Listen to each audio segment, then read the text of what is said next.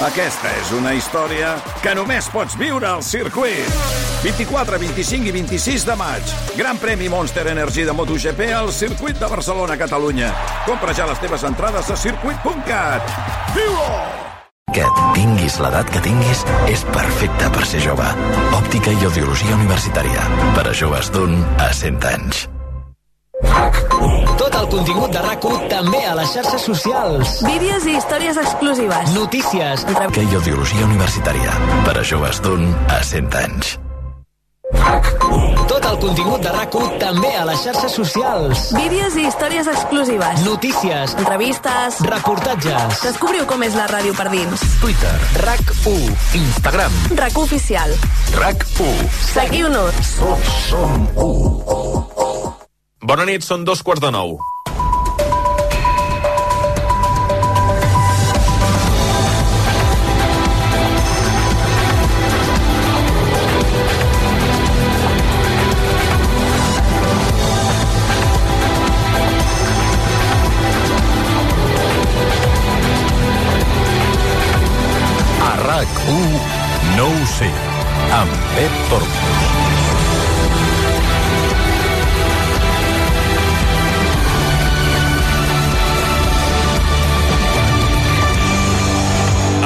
Sé de butxaca fins a tres quarts de nou, abans de sopar o de saber que...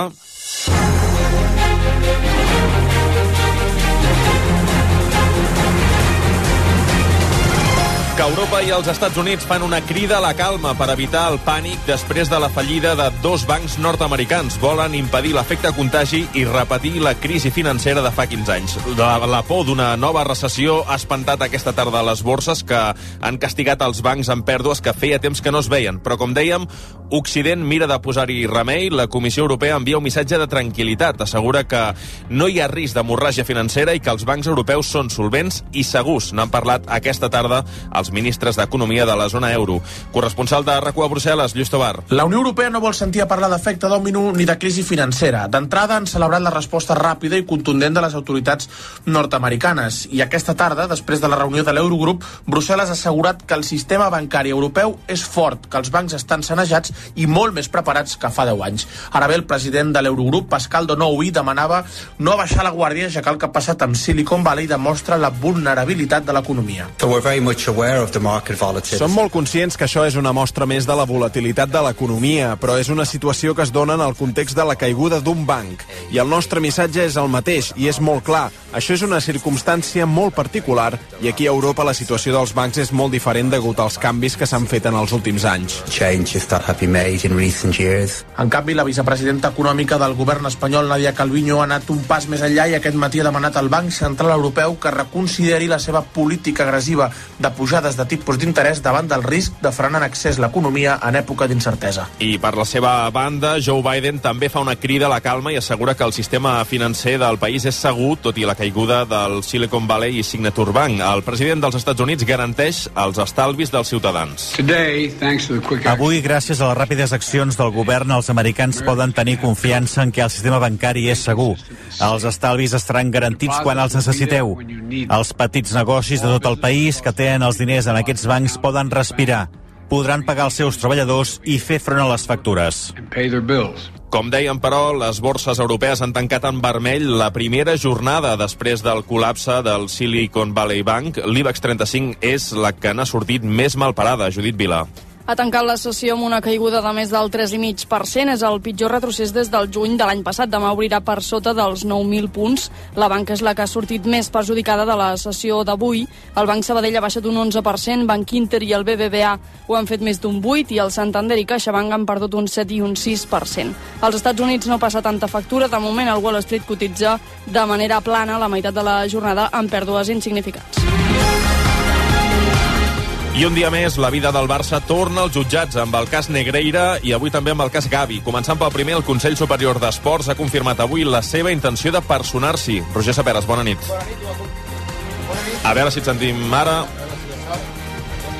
De moment encara no. Uh, A veure, aquí, amb aquest ah, sí. aquí sí, aquí sí. Bona nit, ho ha confirmat, dèiem aquest matí a Telecinco el seu president, José Manuel Franco. Nuestra intención es efectivamente personarnos. No hay que olvidar que la Fiscalía ha denunciado ante el juzgado de instrucción. Ahora el juzgado de instrucción, en principio, tiene que admitirlo a trámite y en ese momento, cuando se ha admitido a trámite esa denuncia, será cuando nosotros, de acuerdo con nuestros servicios jurídicos, nos personemos ya en esta causa. Mentrestant, Joan Laporta, el president del Barça, ha participat en un acte amb els capitans dels equips professionals on s'ha emocionat i ha dit això sobre el cas Negreira.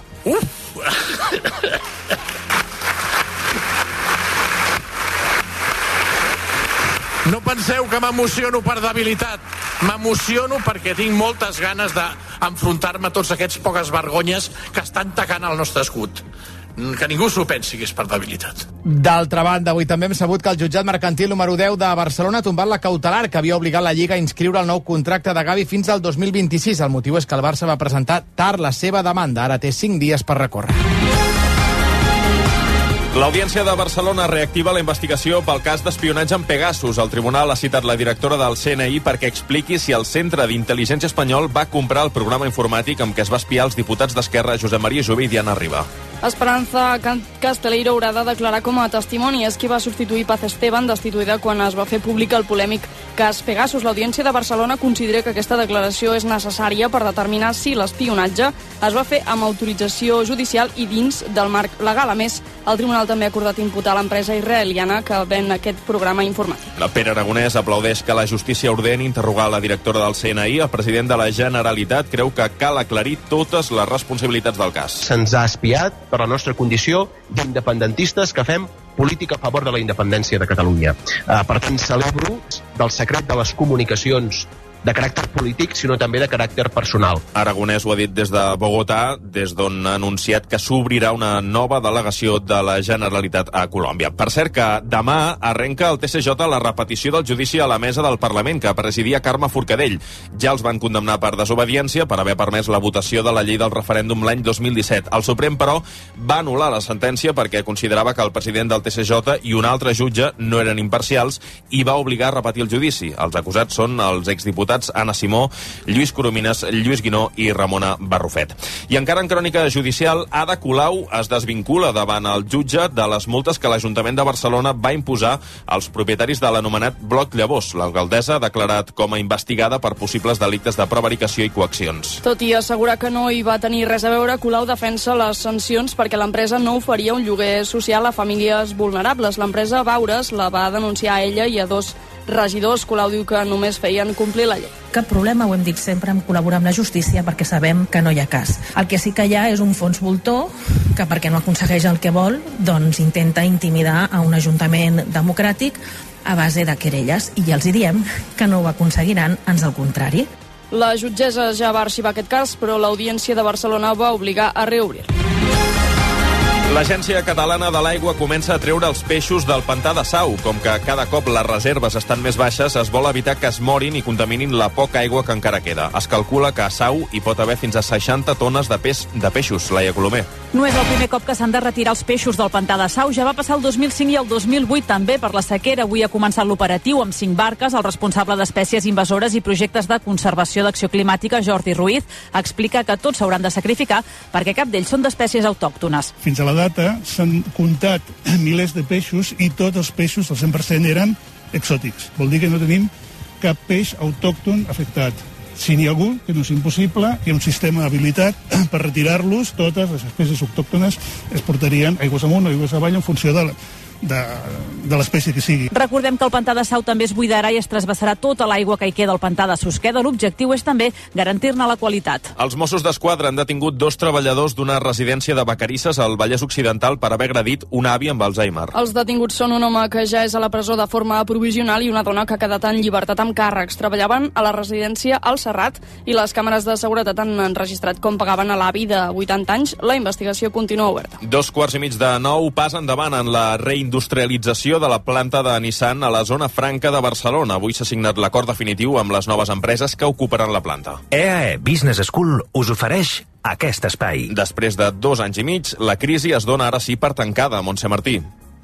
A la planta hi haurà espai per al hub d'electromobilitat que lideren un conjunt d'empreses, les catalanes Kif Technologies i Big D'altra banda, el fabricant de motos elèctrics Silence, que ja hi és a la planta de la zona franca, i el grup logístic Goodman. El CEO de Kif Technologies, Joan Urús, diu que la idea és que no quedi cap treballador de l'antiga Nissan a l'atur. Avui tenim ja les primeres contractacions en el, en el D-Hub i durant aquest mes de març eh, es contractaran entre 20 i 25 persones. L'objectiu és, durant el llarg d'aquest any, anar, anar creixent aquesta, aquesta contractació per poder fer operativa la fàbrica, necessitem molta gent per poder fer operativa. L'objectiu és començar a construir físicament vehicles a inicis de 2024. Nissan va anunciar que tancava les seves plantes a Catalunya l'any 2020 i va deixar de fabricar cotxes al desembre de l'any passat.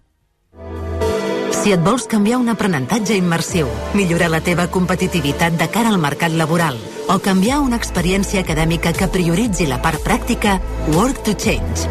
Entra a eaebarcelona.com i comença el canvi amb els nostres màsters i MBAs. EAE Business School. We make it happen. 8 i 40 minuts, el PSC proposa eliminar les pensions vitalícies dels expresidents del Parlament. A les portes de la sentència del cas Borràs, els socialistes han registrat una proposició de llei per derogar les assignacions que reben els expresidents i que consideren privilegiades. De moment, la resta de partits no ha tancat la porta a fer-ho. Adrià Santa Susagna. Un exemple és que ara els expresidents de la cambra, quan pleguen, poden cobrar durant 4 anys el 80% del sou aquest, o també que si han estat més de dos anys al càrrec, tenen dret a una pensió per vida del 60% del sou quan arriba arriben als 65 anys. Privilegis que el PSC vol eliminar, com diu Salvador Illa. Fueron acordadas en un contexto muy distinto, en los años 80. Por eso, no contra nadie, sino a favor el Parlament hemos adoptado esta iniciativa. Marta Vilalta d'Esquerra, Josep Rius de Junts i Joan Mena dels Comuns no ho veuen malament. Disposats a estudiar-ho? Sí. Disposats a parlar-ne? També. Disposats a debatre-ho? I tant. Som-hi. Estem disposats a escoltar si la proposta va en el sentit de racionalitzar aquestes institucions. Ja és hora d'acabar amb aquests privilegis que estan totalment desfasats. Si es fa la reforma, afectaria també Laura Borràs a les portes de conèixer la sentència del seu cas. I a tot això, l'ajuda de 100 euros per alumne que va anunciar Pere Aragonès a principis de curs encara està verda. RACUS pot avançar que a hores d'ara no se sap quines famílies s'hi podran acollir ni com es farà. El president ho va incloure dins el pla anticrisi i ho va lligar uns pressupostos que ara ja estan aprovats. Sílvia Solanes. Aragonès va parlar de 100 milions milions d'euros per una ajuda a aquest curs a alumnes d'I3 a quart d'ESO. Aquest va ser el moment, el debat de política general. Els anuncio que destinarem 100 euros per infant per compensar el fort increment de les despeses de material escolar que han hagut de fer front les famílies aquest mes de setembre. Una mesura encaminada a afavorir l'equitat social en un àmbit com l'educatiu. farem a través d'una deducció de l'IRPF de les famílies de rendes mitjanes i baixes. La resta de mesures s'han anat concretant, com l'ampliació de la T16 als 30 anys, però aquesta ha quedat en segon pla. Tant que falta menys d'un mes per la campanya de la renda, que és per on va dir Aragonès que es vehicularia, i no hi ha ni el qui ni el com. De fet, sobre la taula ara també hi ha l'opció del xec. 3 minuts i 3 quarts de 9 és una de les notícies del dia. Els Manel, que han anunciat una aturada indefinida. Benvolgut, permet-me suposar que malgrat no haguem gaudit de presentació... No es tracta d'una separació, sinó d'una aturada sense data de retorn. Ara els membres de la banda se centraran en altres projectes professionals i personals a part de la música. I els que no s'aturen són Mishima. Avui Recus avançat que la sala La Paloma de Barcelona recuperarà la música en directe 16 anys després amb un concert del grup liderat per David Caravent. Serà el divendres 21 d'abril. I encara amb la ressaca dels Oscars, tota la vegada, tot arreu, ha estat la gran triomfadora de la nit. S'han portat 7 dels 11 premis a què estava nominada. Només li ha fet una mica d'ombra amb 4 premis, res de nou a l'oest. La pel·lícula que a Netflix la trobem amb el nom de Sin Novedad en el Frente. La gran vencedora s'han dut els guardons de millor pel·lícula, millor direcció i millor actriu protagonista per Michelle Yeoh. Entre d'altres, el premi a millor actor se l'han butxacat Brendan Fraser per la ballena. En canvi, grans favorites com Almas en pena d'Inisherin Elvis o Los Fableman de Steven Spielberg han marxat amb les mans buides. I al Festival de Cinema de Màlaga, Sílvia Munt ret homenatge a les activistes feministes dels anys 70, la pel·lícula Les Buenas Companyies. El film, que es presenta avui dins la secció oficial, explica la història d'una xarxa clandestina que durant els anys 70 va ajudar desenes de dones a avortar. Enviada especial a Màlaga, Maria Cusó. La pel·lícula es basa en fets reals, però aprofita la història d'aquest grup de feministes que van crear escola per explicar la història història personal de la Bea, una jove de 17 anys implicada políticament que durant un estiu descobrirà qui vol ser i qui vol estimar. Un personatge que, com explica Munt, és un reflex d'una generació. Són declaracions a rac D'aquesta Bea doncs, he abocat molt també de la meva història en aquell moment on fas un viatge en un estiu on mai més seràs la que eres, no? Amb totes les teves contradiccions, perquè al, al fons són tres personatges femenins que tenen moltes capes i, i fan un viatge, fan un viatge que les porta a la llibertat i la llibertat no és barata, no la regalen. Avui també s'ha presentat a competició Una vida no tan simple, de Fèlix Vizcarret, un drama generacional protagonitzat per Miqui Esparvé. I els Premis DRAC, que reconeixen persones i projectes que han impulsat millores en la societat, ja tenen guanyadors. Es lliuraran el 17 d'abril a l'Auditori de Barcelona. Anna Salvador. El jurat ha premiat